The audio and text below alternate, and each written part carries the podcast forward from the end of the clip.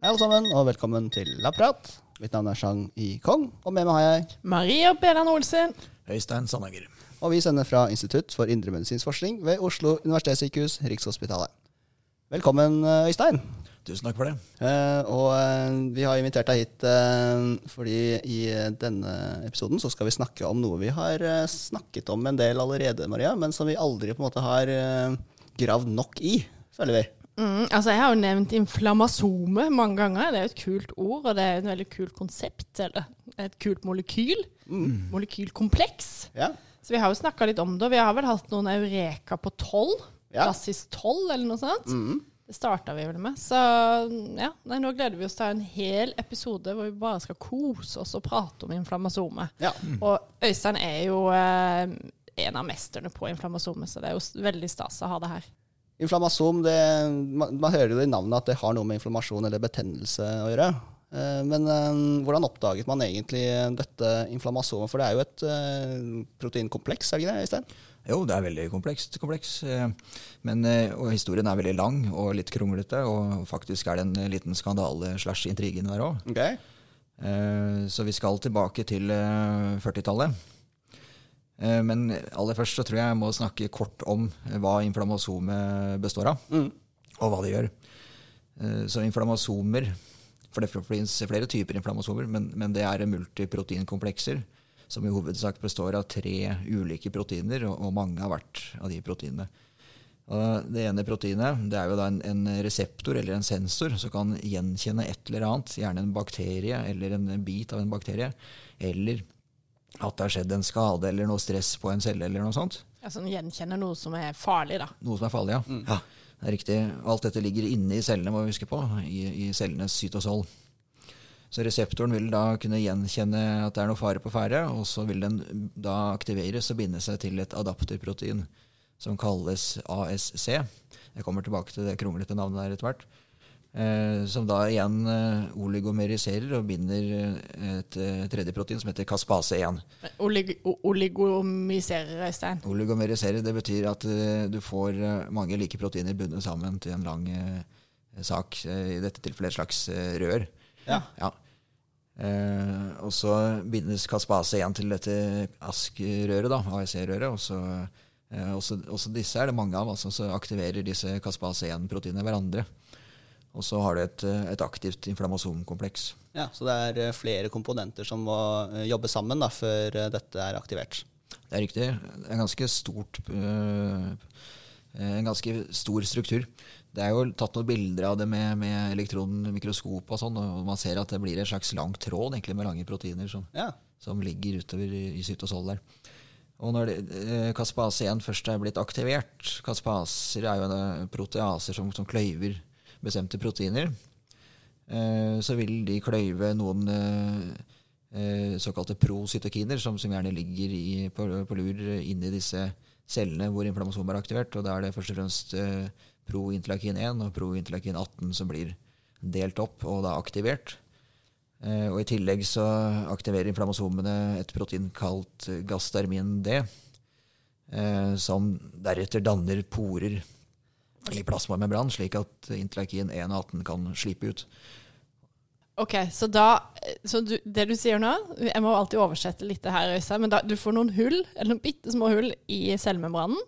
Og gjennom der så skytes da de her aktiverte cytokinene. Det er riktig, Hullene er egentlig ganske store, sånn, ah, ja. sammenlignet med andre hull som også finnes. Da, men, Ja. Så cellen kan faktisk dø av dette her. Ok. Og, og mye av innholdet kan lekke ut, og, og cellen kan da gjennomgå en slags form for celledød som vi kaller for pyroptose. Og det er et veldig kraftig betennelsessignal også. Så i tillegg til å skille ut disse cytokinene, eh, som kan reise langt av gårde og påvirke hele kroppen, så, så blir det en veldig kraftig betennelse lokalt der hvor inflammasomer er aktivert. Så litt det sånn celle der Først så skriker den fare, fare, og så bare sprekker hele cella. på en måte. Ja, den skriker høyere og høyere, kan du si. Så blir det sånn vræl hvor den vrenger seg. Ja. Og eh, denne dannelsen av inflammasom er på en måte det som starter det hele, da. Det er riktig. Ja, men da vet alle hva et inflammasom er. Ja. Ja. Spesielt eh, disse studentene jeg skal eh, rette eksamener til. Dere har hørt det nå? Veldig bra. Ok, men fortsett på historien da, Øystein. Ja. Jo, eh, så at når vi skal tilbake til 40-tallet, så, så, er det fordi vi må tilbake til dette cytokinet som heter interleukin 1, for det er helt sentralt. Det hele begynte jo med interleukin 1. Og eh, så var det sånn at eh, i 1940, eh, av en eller annen grunn, eller på 40-tallet, så, så, så, begynte så smått biologer og forskere å, å, å, prøve å finne ut av har vi noen endogene pyrogener. Altså Det betyr har vi noen, noen signalmolekyler i kroppen vår som kan gi feber Eh, uten at vi har eh, fått en infeksjon med bakterier eller virus. Mm. Ja. Eh, så det, det, Derav navnet endogene pyrogener. Mm. Um, man visste jo allerede at uh, bakterier kunne gi feber, for eksempel, og til og med døde bakterier kan gi feber hvis man injiserer det inn i blodet. og sånn. Mm. Da får man en veldig kraftig, farlig situasjon med, med, som ligner blodforgiftning. Mm. Um, men man visste jo også at uh, pasienter med autoimmune sykdommer, f.eks. revmatid artritt eller lupus, de kan jo få feber, de òg, uten at det er noen infeksjon. Så, ja, altså led, leddgikt? Leddgikt, ja. Og hva den andre, sa du? Ja, eh, Lupus det er jo en sånn eh, litt verre autoimmun eh, sykdom. Ja.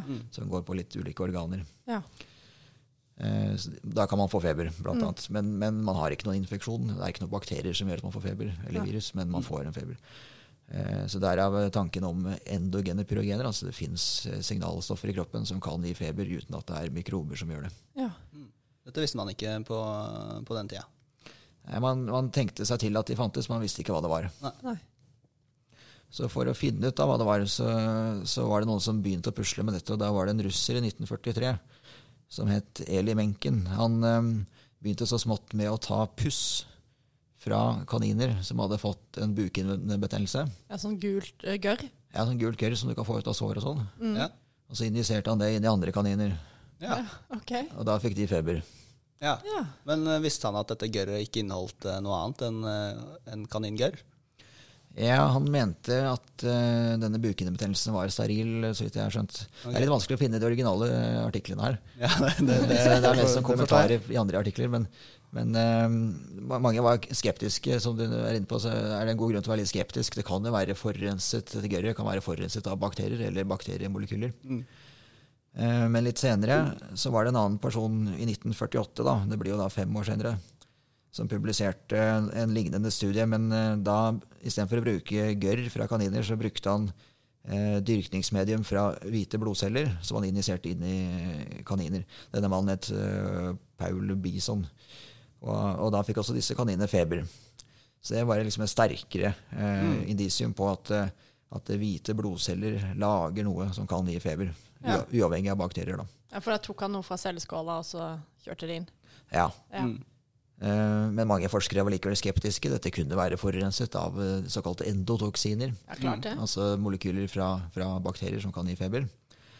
Um, så her, etter hvert så ble det liksom to miljøer da, som sto mot hverandre. Finnes det endogene pyrogener, eller finnes det ikke? Mm. Um, de var uvenner, de, rett og slett? Ja, de, de kunne argumentere i hvert fall fra, fra hver sin side, og, og var uenige, i hvert fall. Mm. Uh, og um, så kom han litt videre i, i, 1967. Da er det en fyr som heter Phyllis Bodel, og en annen som heter Elisha Atkins. De jobbet sammen da, og fant ut at de skulle omgå dette problemet med lipid A, som er et sånt uh, endotoksin fra gram-negative bakterier. Og da stimulerte de eh, monocytter med døde, hvite staflekokker, som da ikke har lipid A i det hele tatt. Okay, ja. Ja. Og så tok de dette dyrkingsmediumet, og hvor gjorde de av det, tror du? Kaniner. De putta det inn i kaniner. Ja. ja. Okay. Og så fikk kaninene feber. Ja. ja. For nå hang ikke jeg helt Nei, med, så da lurer jeg liksom om, om lytterne helt henger med her. Men hva, hva, Det var noen stafylokokker som ikke hadde et spesielt protein? Ja, det er, det er, jo en del bakterier som har eh, det som kalles eh, endotoksiner, eller lipida. Det er en sånn bit av det endotoksinet. Mm. Så hvis man da brukte bakterier som ikke hadde det endotoksinet ja. til å stimulere monocytter med, så, så omgikk man i hvert fall det problemet. da, ja. At det var forurenset med, med slikt. Ja. Eh, men det kunne være andre molekyler, disse hvite stafylokokkene òg, som kunne gi, eh, påvirke systemene. Så, så, så, derfor så var ikke det et godt nok bevis heller for at det fantes endogene pyrogener. Men forskerne ga seg ikke da. Og på 70-tallet så, så, kom man litt videre. For da tok forskere og stimulerte uh, kaniner igjen da, med eh, det som kom ut av hvite blodceller som de hadde dyrket, sånn at disse kaninene dannet antistoffer. Ja. Og med disse antistoffene, immunstoffene, så kunne de eh, klare å påvise på, på f.eks. en gelelektroforese eh, hvilke proteiner kaninene hadde reagert eh, mot. Mm. Og så kunne de også finne ut om noen av disse antistoffene kunne nøytralisere eh, den effekten disse proteinene hadde. Sånn at hvis kaninen ikke lenger fikk feber fordi de var blitt immune, eh, så var det jo det, det hadde de jo da blitt immune mot et endogent pyrogen fra de hvite blodcellene. Så da har vi kommet til 70-tallet. Da har vi kommet til 70 Vil du oppsummere, Klarer du å oppsummere den siste der, med kaninene? Uh, nei. det, var, det, var, det var altså noen kaniner som, uh, som altså, Hvordan ble, fikk disse kaninene feber til å begynne med? Altså De første som var antistoffdonorer, hvordan fikk de feber til å begynne med? Ja, eh, ja, jeg må nok si litt mer om det, da, kanskje. Eh, hvis du injiserer eh, et yrkningsmedium fra hvite blodceller inn i en kanin, så, så får den eh, feber først. Men så kan det skje det at kaninen slutter å, å få feber. Ja. Og da har den nok laget eh, antistoffer som nøytraliserer de feberfremkallende proteinene. Og da kan du samle opp disse antistoffene og bruke det til Ja. å, å finne fram til hvilke proteiner Skjønner. skjønner. Ja. Så fant man ut at disse proteinene var faktisk endogene. Altså de var fra, fra kaninen selv, eller fra De var fra de hvite blodcellene, ja. Ja. Ja. Ok, Skal vi prøve å oppsummere nå? Nå, Ja. nå, nå vet jeg hva vi, hva vi har gjort. ja. Ja, ok. Eh, så for å eh, oppsummere litt, så var det sånn at um, det var noen forskere som da på 70-tallet eh, hadde et sånn uh, dyrkningsmedie med hvite blodceller, og så injiserte de en kanin med da dette mediet, som inneholdt da stoffer som hvite blodceller hadde skilt ut. Ja. Eh, det ble da sprøyta inn en kanin som fikk feber. Eh, og så ventet man da til feberen gikk over, for da antok man at eh, hvis det var bakterier der, så er de nå borte fra sirkulasjonen i denne kaninen. Eh, og det de da tok ut fra kaninen, var eh, antistoffer mm. mot da et eller annet som kaninene hadde reagert mot, og da dermed fått feber. Nettopp. Eh, og disse antistoffene kunne man igjen bruke eh, med ulike molekylærbiologiske metoder til å finne ut av hva var det disse antistoffene reagerte mot. Nettopp. Og da fant man ut at det var mot noe som fantes i kaninkroppen, og ikke noe som eh, kom fra en bakterie. Var det omtrentlig sånn? Ja, omtrentlig sånn. Det, ja, så det reagerte mot noe som kom fra disse hvite blodcellene. Ja. De brukte gjerne menneskeblodceller, for så vidt. Så, men det er ikke noe forstått i feber i kanin. Da. Ja, for det er, det er på en måte fremmed. Ja, mm. ja nettopp. Så det tok uh, over 30 år da, før man uh, klarte å finne ut om det var noe endogent som kunne gi feber. Ja, så da, da nærmer det seg. når vi er på 70-tallet. Kan jeg spørre, Levde han fortsatt, han russeren her? Fikk han det her med seg, eller? Ja, han øh, fikk vel med seg litt, men han øh, blir nevnt i preteritum stort sett i artiklene, så jeg lurer på om han ikke lenger er blant oss nå. Så han var godt voksen i 1943. Ja. men, øh, og han, han ble nok også litt glemt, kanskje. At øh, det var de som kom litt etter han, som har tatt mye æren for det som har blitt gjort. da. Mm. I alle fall så Når man hadde antistoffer og kunne påvise proteinene på en sånn gelelektrofrese, så eh, klarte man etter hvert også å Og da har vi kommet eh, helt til starten av 80-tallet. Så klarte man etter hvert også å, å klone genet for, for eh, interleukin 1, det som skulle vise seg å være interleukin 1. Og det, og det gjorde man eh, ved å, å ta eh, mRNA fra disse hvite blodcellene, som da koder for eh, interleukin 1, og så testet man det ut i tur og orden. Hvem er det som lager, hvem av disse mRNA-ene lager et protein som våre antistoffer kan reagere mot? Det var veldig tungvint, men det var det man hadde å spille på den gangen. Ja. Og til slutt så kom dette for en dag. Eh, og da var det en eh, forsker med navn Dinarello og hans kolleger som klarte å, å få til dette, og, og de prøvde å publisere det i Nature. Eh, og da har vi kommet til eh, det herrens år Skal vi se 1984. Ja, så da hadde man et funnet interleukin 1. Ja. Ja. Og da er det duket for skandale. Skal vi ta den? ja, veldig gjerne. Ja. Eh, For de, eh, de prøvde å publisere i Nature. Det er jo et ganske eh, skal vi si, anerkjent tidsskrift. Kanskje det gjeveste tidsskriftet man kan publisere i, vil noen hevde. Men manuskriptet ble da avvist. Oi. Og så sendte de manuskriptet videre til et annet ganske så presist tidsskrift kalt Proceedings of National Academy of Sciences, eller PNAS, samme år, og, og de godtok det. Eh, så langt ikke noe skandale, for så vidt, da, men fem måneder senere så ble det publisert i Nature en artikkel eh, med den samme sekvensen oh, ja. av noen andre. Ja. Så de kopierte det? Det mener i hvert fall Dinarello, som han skriver om i en revyartikkel fra eh, 2015. Ja. Eh, og da er det et firma som heter Immunex eh, Corporation, som sto bak artikkelen, visstnok, og som også hadde prøvd å patentere Eller de hadde patentert eh, denne sekvensen på IL1 også. Ok, Så de hadde det kanskje allerede, og så Eh, ja, for ifølge Dinarello så var det forskere fra Immunex Corporation som hadde vært revyere eh, i Nature for, den, for det manuskriptet de hadde Ja, sendt inn. men kan jeg bare spørre, Hvordan patenterer man eh, noe som er biologisk? Altså, eh, får, får jeg ikke lov til å lage IL1 i kroppen fordi noen andre patenterte? Altså, Hvordan fungerer dette? her? Ja, Det handler nok først og fremst om å, å eh, patentere det å lage rekombinante proteiner for salg. da.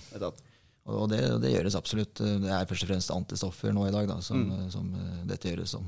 Men Kunne de patentere det når de hadde allerede fått det ut i PNAS? Eh, De patenterte det først. Ok. Det var vel derfor det gikk en fem måneder, tenker jeg. Ja. vet. Så det er i hvert fall noe eh, denne forskeren Dinarello skriver i, et, eh, i, i en revyartikkel. Så jeg skal ikke si at det er sant, men uh, hvorfor ikke? Det er en god historie i hvert fall. Ja. Ja. Alright, og, og, og det han sier også er at de hadde nemlig ni feil i den sekvensen sin. Eh, som, eh, sånn I forhold til hva som finnes i naturen, så var det ni feil. Ikke at det gjorde noe med proteinet, for det var ikke kodene eh, nukleotider som var feil, men det var ni feil der. Og så var de samme feilene i den sekvensen som ble publisert i, Nature. Da. ja, Så det, var på en måte, det kunne ikke vært tilfeldig at det var de samme feilene. Nettopp. Ja. Interessant. Alright, så da, men da var altså IL1 kommet på banen. Og, men en viktig ting var også at eh, man fant jo også ut når man klonet genet og lagde IL1, at eh, jøss, det, dette proteinet er jo litt større. eh, Og det virker ikke. Så man fant ut at det kommer i en proform. Ja. Og det må kløyves av proteaser før det kan virke. Mm. Altså det er egentlig en sikkerhets, eh, sikkerhetsventil, holdt jeg på å si. Man ja, så man kan først produsere det, lagre det, og så boff, aktivere det. Nettopp. Så det, det fant man først ut da man fikk klonet dette genet. Eh, og da begynte jo da jakten på eh, hvilken protease er det som aktiverer IL1. Eh, for IL1 er et veldig potent cytokin, og her kan det være muligheter for å behandle sykdom f.eks. Eh, så det genet ble da klonet i 1992. Da var dette med kloning blitt mer eh, allemannseie. Ja, men kan jeg spørre, visste man på den tida at IL1 ga mye sykdom? Ja, det, det visste man i hvert fall at det var viktig for feber. Mm. Man hadde jo ikke funnet noen andre endogene pyrogener enn disse to, IL1 beta og IL1 alfa. Det var de som ga feber. Ja, det, det, var de man, det var de to man fant fram til som, som ga feber i kaniner. Når man stadig injiserte de med, med, med drykningsmedium fra hvite blodceller. Ja. Så, så dette pekte seg ut da, som viktige cytokiner. Men det er riktig, man visste jo ikke alt om IL1 ennå. på ingen måte. Uh, Iallfall så var det en gruppe som klarte å klone uh, Caspase 1 da, i 1992. Og, det gikk da mye fortere bare på noen uh, par-tre år. Eh, fra de begynte til de var ferdige. Så da, da har vi kommet mye lenger i, i, eh, med metoder og slikt. Og, og det var lettere å, å være forsker den gangen enn eh, i 1940. Det vil jeg tro. Ja. Og de kalte det genet for interleukin en beta converting enzyme, så, forkortet ICE. Så det het ikke Caspase 1 med en gang. Men senere fikk det dette navnet fordi når man så så på aminosyresekvensen, og sånn, så, så fant man ut at dette hører jo til en gruppe, en familie med proteiner som er det såkalte cystein-aspartat-proteaser, eh, populært kalt kaspaser. Og det innebærer at det er cystin som kløyver et annet protein ved en aspartat-aminosyre. Ålreit. Kjempebra, Øystein. Du lever opp til, eh, til navnet ditt. Ja. Et Øystein betyr egentlig eh, belest eller noe sånt. Gjør det det? Nei, det gjør det ikke. Eh, nei, så, så da er vi kommet til på og vi har kommet til 90-tallet. Ja, men vi nærmer oss uh, Det blir en pod om historien til Ja, ja. inflammasomet. Du må, du må Ja. kanskje komme tilbake en annen gang. ja, og ta resten. Nei da, vi Jeg kan jo trøste dere med at vi, før vi når eh, Eller vi, vi slutter på 2002, men vi skal gjennom 90-tallet. Ja, Okay, ja, men det er greit. Vi, vi er tåler det. Vi, tåler, vi tar den siste eh, tiåret. Ja. Right, ja, right. Så da var det neste protein i rekka som skulle inn, eh, var jo da ASC, eller ASK som det ble kalt. Og eh, det, det var litt mer tilfeldig. For folk ante ikke noe om inflammasomer på den tiden her. Og hva som aktiverte Caspase 1. Ingen visste det. Bortsett fra at man visste at Caspase 1 aktiverte Caspase 1, men, men hva som førte til det igjen, det, det var ukjent. Eh, vel, eh, så var det noen japanere da, i Nagano og Nagasaki. Eh, hovedlederen er et Masumoto, og i 1999 så klarte de å finne dette proteinet ASC. Og de var verken på jakt etter eh, IL-1-aktivering eller, eh, eller febersykdom, men, men de jobbet egentlig med, med kreftforskning.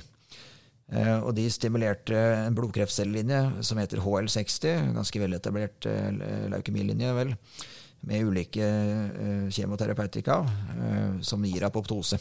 Altså det er, når du sier den, det er ikke velkjent for alle, men da vil det si at det er en cellelinje som kommer fra kreft, bryst, var det brystkreft, sa du? Jeg mener det var en leukemi. Oh, ja, leukemi, eh, leukemi ja. sa du, ja. Leukemi, kreftcellelinje. Ja, ikke okay. siter meg på det, men jeg tror det var det. Alright, så og også testet de ut legemidler da, som kan gi celledød eh, i kreftceller. Mm. det kalles apoptose, den formen for celledød som det er. Eh, og da eh, annet brukte de noe som heter eh, retinoinsyre, som, som kan gi celledød i noen krefttyper. Og eh, så løste de opp cellene i eh, en detergent, altså en type såpe, som kalles eh, Triton X100. Det er noe vi bruker her på laben nå når vi skal løse opp celler. Ja, det er kjekk. Ja. Um, og så Det de var på jakt etter, egentlig, det var proteiner som ikke lot seg løse, som var en del av cytoskjelettet. For de, var, de forsket på cytoskjelettets rolle ved apoptose. her.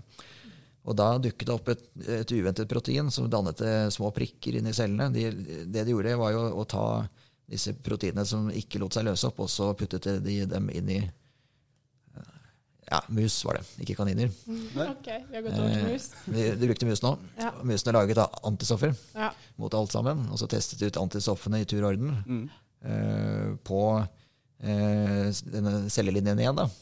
Og så fant de et antistoff som markerte et protein som dannet små prikker etter stimulering med retinoinsyre. Så de kalte dette proteinet for, først bare for spekk, som betyr liten prikk.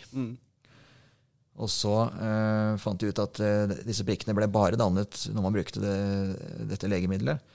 Men det var løselig før det. Så, så ga de navnet til slutt eh, eh, ASK, da, som står for apoptose associated speck-like protein containing acard. Card er et sånt proteindomene som også var inni der.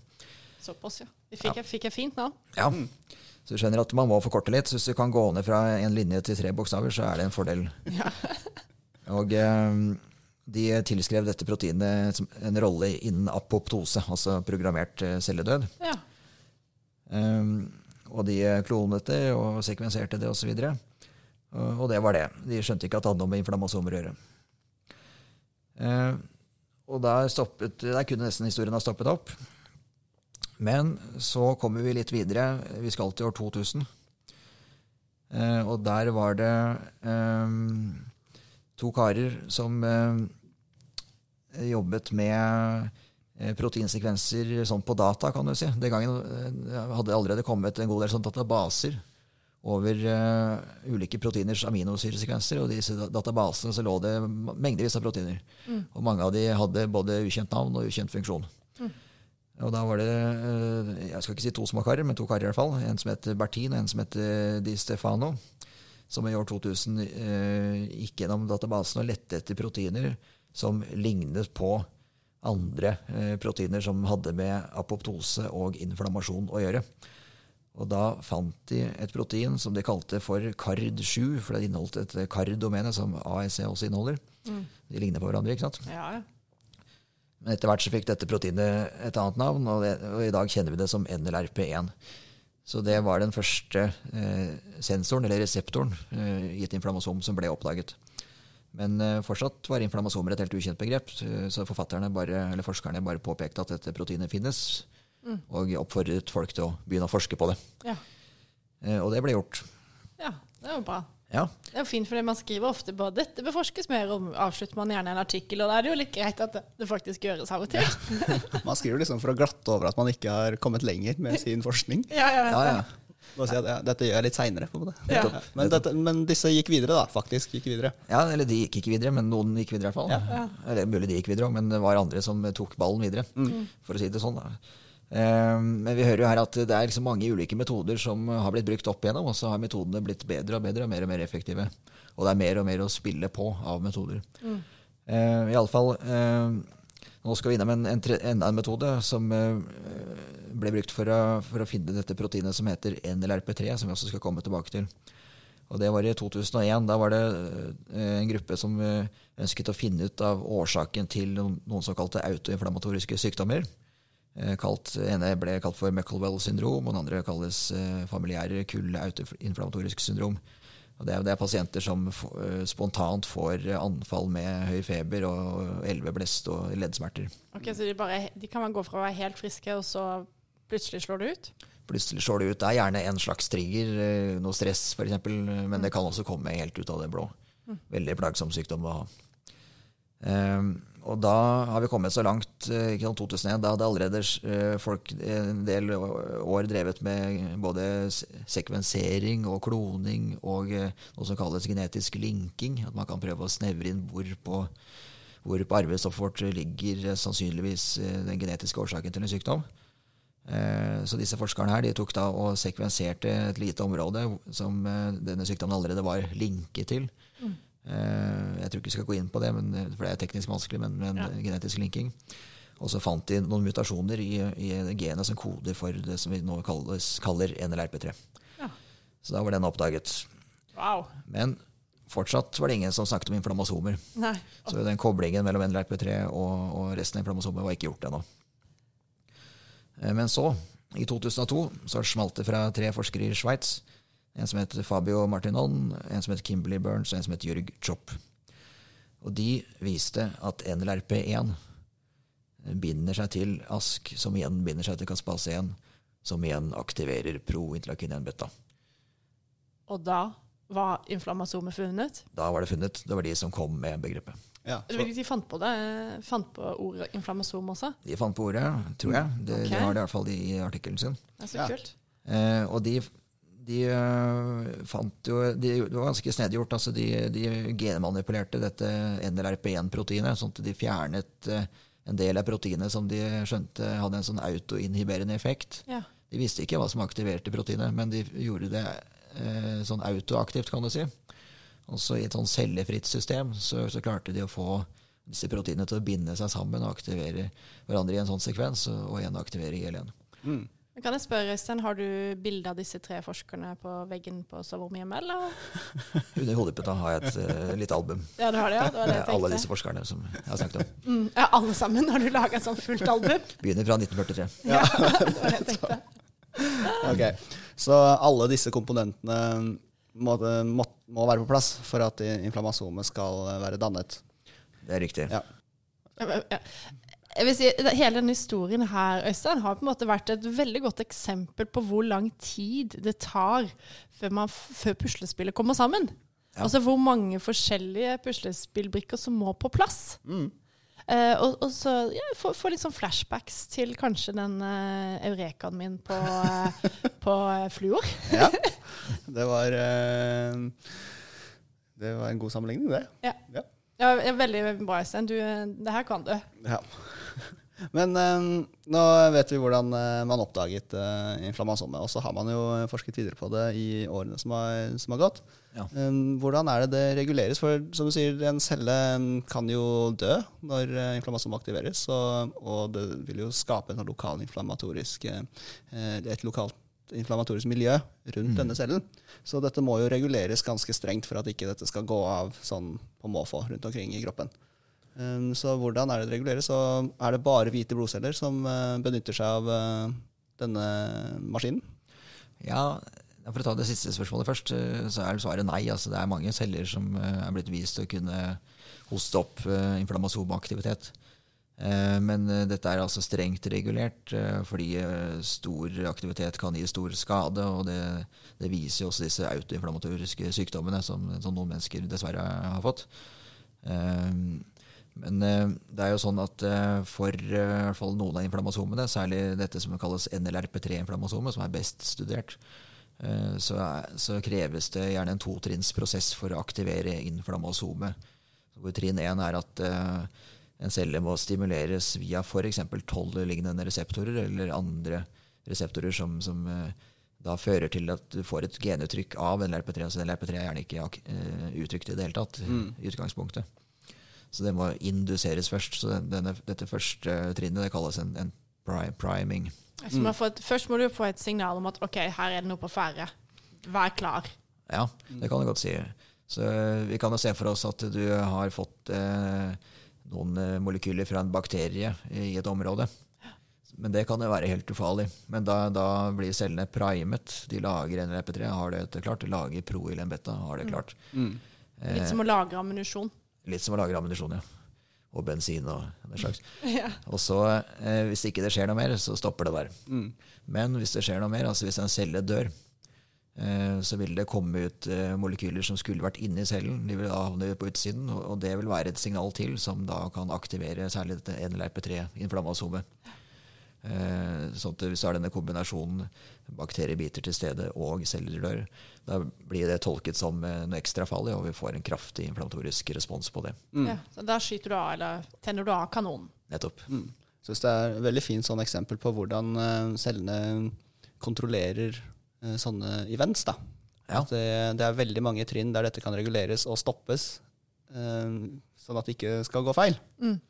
Ja, nei, men Dette er viktig for å, for å skille mellom ufarlig og farlig eh, tilstedeværelse av eh, molekyler fra mikrober. Eh, og så er det andre inflammasomer da, som gjenkjenner mikrober mer direkte. Og Da er det gjerne mikrober som, som gjør noe spesielt, som er ekstra skumle. Det kan være intracellulære mikrober. Mm. det er jo aldri bra. Og så kan det være mikrober som lager ulike toksiner som skader celler. Det er jo heller ikke sunt for oss. Nei. Eh, sånn at vi har en viss evne da, til å skille ut de verste mikrobene fra de eh, mer benigne, kan du si. Godartede mikrobene. Ja. Eh, Vi har jo vært inne på det, Øystein. Eh, Det trenger jo ikke være mikrober som trigger eh, sånn inflammatorisk eh, respons. Eh, Et sånt klassisk eksempel er jo eh, urinsyregikt, altså urinsyrekrystaller, som eh, aktiverer inflammasomet. Hvordan foregår egentlig det? Ja, urinsyregikt er et veldig godt eksempel på, på noe som ikke bør skje. Det er jo da sånn at vi har jo alle en evne til å produsere noe som heter urinsyre. Det er jo et, et avfallsprodukt når vi omsetter DNA, f.eks. Så har vi byggesteiner i DNA som vi kanskje, og andre molekyler for så vidt, som vi noen ganger må kvitte oss med, rett og slett. Og så blir det oppdannet til urinsyre, som da skal skilles ut i urin. Eh, Men eh, i blodet så, så vil urinsyre danne et salt med natrium, og vi får det som kalles natriumurat. natriumurat. På engelsk kalles det monosodium urate. Og så har det da eh, altså Væskens evne til å holde dette løselig er bare så og så stor, kan du si. Og, hvis man overskrider det nivået, at det blir for mye monosodiumurat, så, så vil det felles ut eh, som krystaller. Eh, alle salter felles ut som krystaller hvis det blir for mye av det i en væske. Eh, og det er også temperaturavhengig. Og da er det dessverre sånn at i f.eks. leddvæske, f.eks. på beina, så er temperaturen gjerne lavere enn i blod. Sånn at når eh, natriumurat eh, kommer ut der, så, så har det lettere for å felles ut som krystaller. Det er også andre forhold i leddvæsken som bidrar til det, men temperaturen er en viktig ting. Okay. Eh, og da eh, er det dessverre sånn at når krystallene havner der, så, så har de en evne til å utløse en metelsesreaksjon. Uh, og det er jo mange celler som kan fagocytere, ikke bare hvite blodceller. Og også inni leddet så vil cellene som, som, som dekker innsiden av leddet, kan du si, de vil reagere med disse krystallene. Og eh, det kan aktiveres inflammasomer i disse cellene her. Eh, og man får Så da spiser, altså når du sier fagositere, så vil det si at det er en del celler som spiser de her krystallene, Ja. og da blir, aktiv, blir inflammasomet aktivert. Det er riktig. Sånn at, eh, jeg kan gå litt i detalj på det straks, men, eh, men de, de første cellene som ble aktivert, de ville da først og fremst rekruttere hvite blodceller til området, som da spiser opp eh, forsøksvis resten av krystallene, og, og det blir en veldig kraftig betennelsesrespons. Ja. Mm. Så det er jo da, ja, det, det er jo det klassiske tegnet, er vel sånn hovne røde tåser. Eller Ja. tær, som det også Ja, heter. ja, Podagra, kaptein Voms sykdom osv. Ja. Ja. Eh, nei, så da, da er det jo sånn at hvis du får eh, en sånn diger krystall inni cellen, så, så klarer ikke cellen egentlig å bryte ned den. Mm. Og du får en situasjon som kalles for eh, frustrert eh, fagocytose. Eh, og eh, resultatet vil være at eh, nivået av kalium inni cellen det, det går ned, for det lekker ut, rett og slett. Mm. Og eh, så blir det også noe som kalles oksidativt stress inni cellen. Og de to tingene til sammen det er en sånn nødvendighet for å aktivere særlig dette NLRP3-inflammasomet. Eh, Så det er en måte å aktivere det på med, med uratkrystaller. Og det kan vi også gjøre i, i forsøk eh, på laben. og Vi kan putte krystaller oppi cellekulturer, og så aktiverer vi disse NLRP3-inflammasomene. Mm. Eh, Før vi går videre til neste punkt, Maria, så vet jeg at eh, du er jo veldig opptatt av dette med kjønnsforskjeller i, i forskning, altså i forskningsobjektene, kan man si. Altså, jeg syns kjønn er gøy. ja. Eh, Og NRP3 er jo en sånn klassisk ting der det er en tydelig kjønnsforskjell. Ja, ja det stemmer. Eller man begynner i hvert fall å se det. Altså, husker, vi, vi skrev jo sammen en artikkel om NLRP3 i hjerte- og karsykdom. Og da kom jeg over den artikkelen som viste at um, inflammasomet var eh, ble mer aktivert da av østrogen enn testosteron. Sånn at det bidro mer til utvikling av atlerosklerose, eller åreforkalkning, i kvinner enn det gjorde i menn.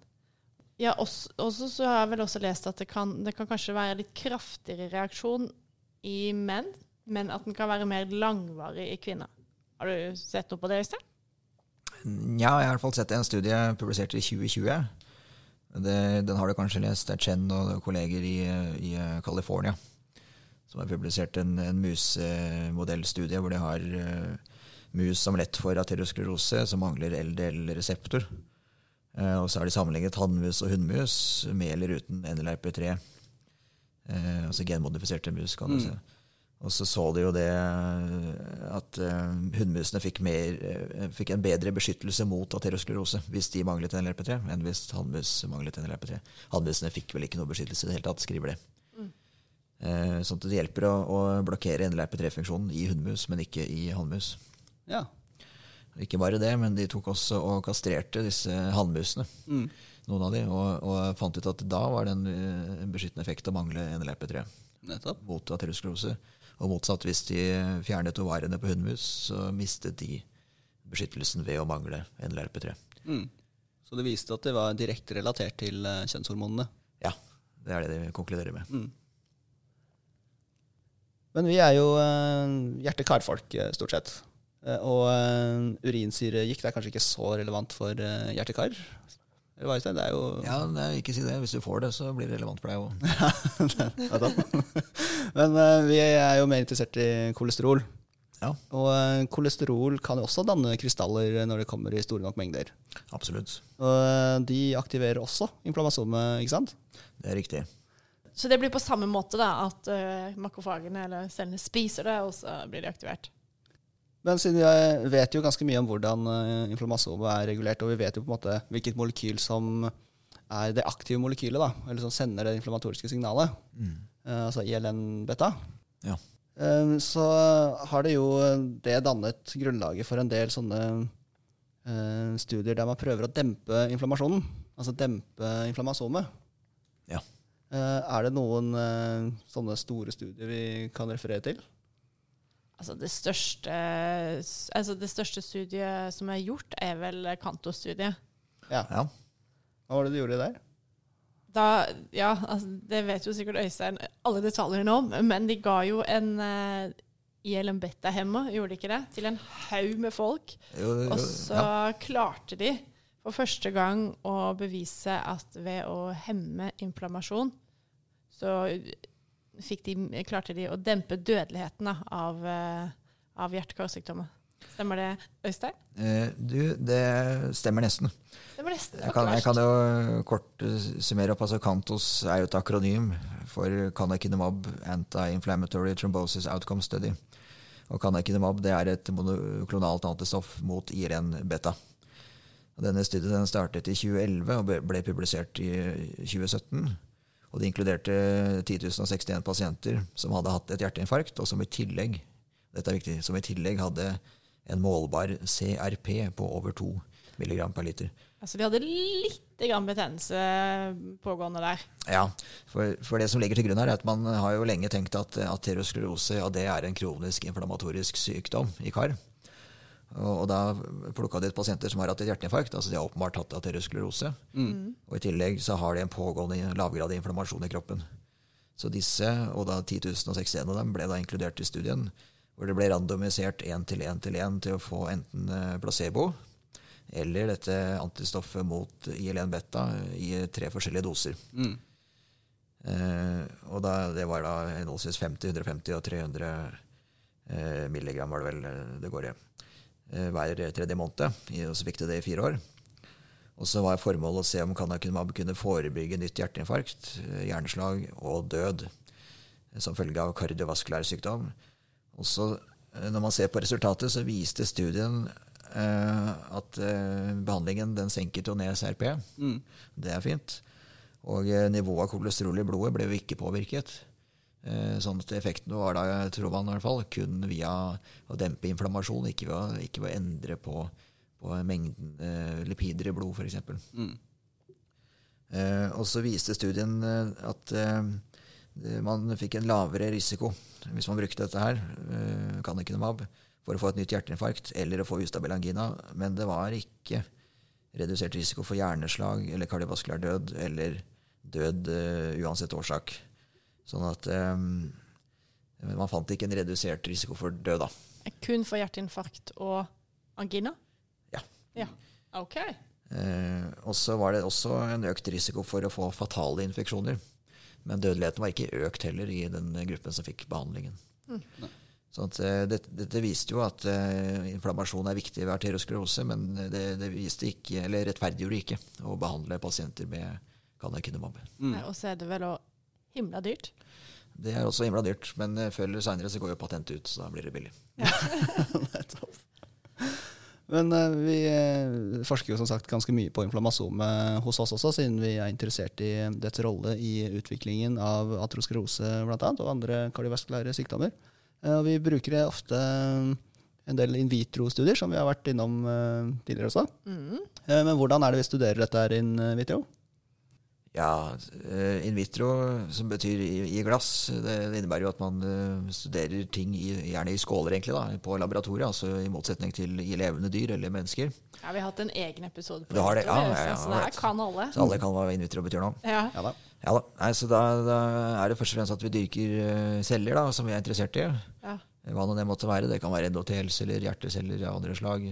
Ulike leukocytter, altså blodceller. da. Og så vil vi typisk ha veldig kontrollerte betingelser. Vi bruker det som kalles en reduksjonistisk metode.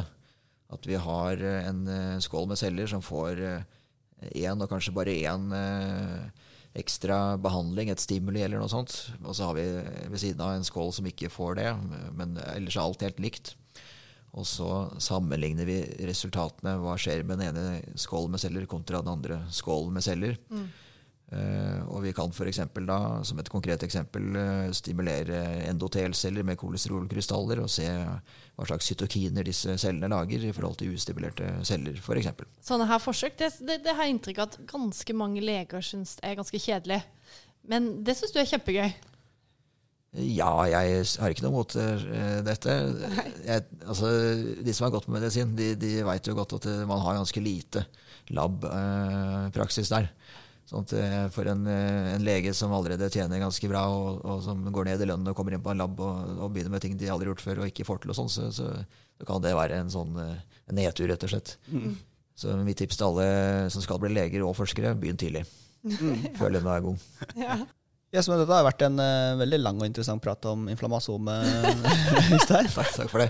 før, vi, ja, før, vi, uh, før, vi, avslutter, Maria, kanskje vi skal ta en liten sånn kort oppsummering av det vi har snakket om i dag? Ja, altså sånn veldig kort så ble det, Historien til inflammasjoner begynte da, på 1940-tallet, Øystein. Ja. Og så endte det i, på 2000-tallet. 2002. 2002. Mm. Da ja, det straks over der. Hvis du, ja, på begynnelsen så får du med deg hele historien. Podden kan hete 'Hele historien om inflammasjoner'. eh, og så kan eh, altså Generelt er det kjempepotent. Det er som en kanon. Som må, eh, men du må først lage kanonkulene, og så blir de skytta i cella. Og da kan den sprenge seg sjæl. Det er som en liten atombombe inni der. OK? Ok, Så uh, tusen takk for at du har kommet til oss, Øystein. Veldig hyggelig å få være her. Tusen hjertelig takk. Og så eh, må vi bare minne våre lyttere om at dere må følge oss på sosiale medier. Facebook, Twitter og Instagram. Og så blir vi veldig glad hvis dere gir oss en rating når dere hører på vår podkast, sånn at enda flere kan finne podkasten vår. Vi skal jo på laben alle sammen inntil neste gang vi møttes. Oh yeah. Så da høres vi. Ha det. Ha det.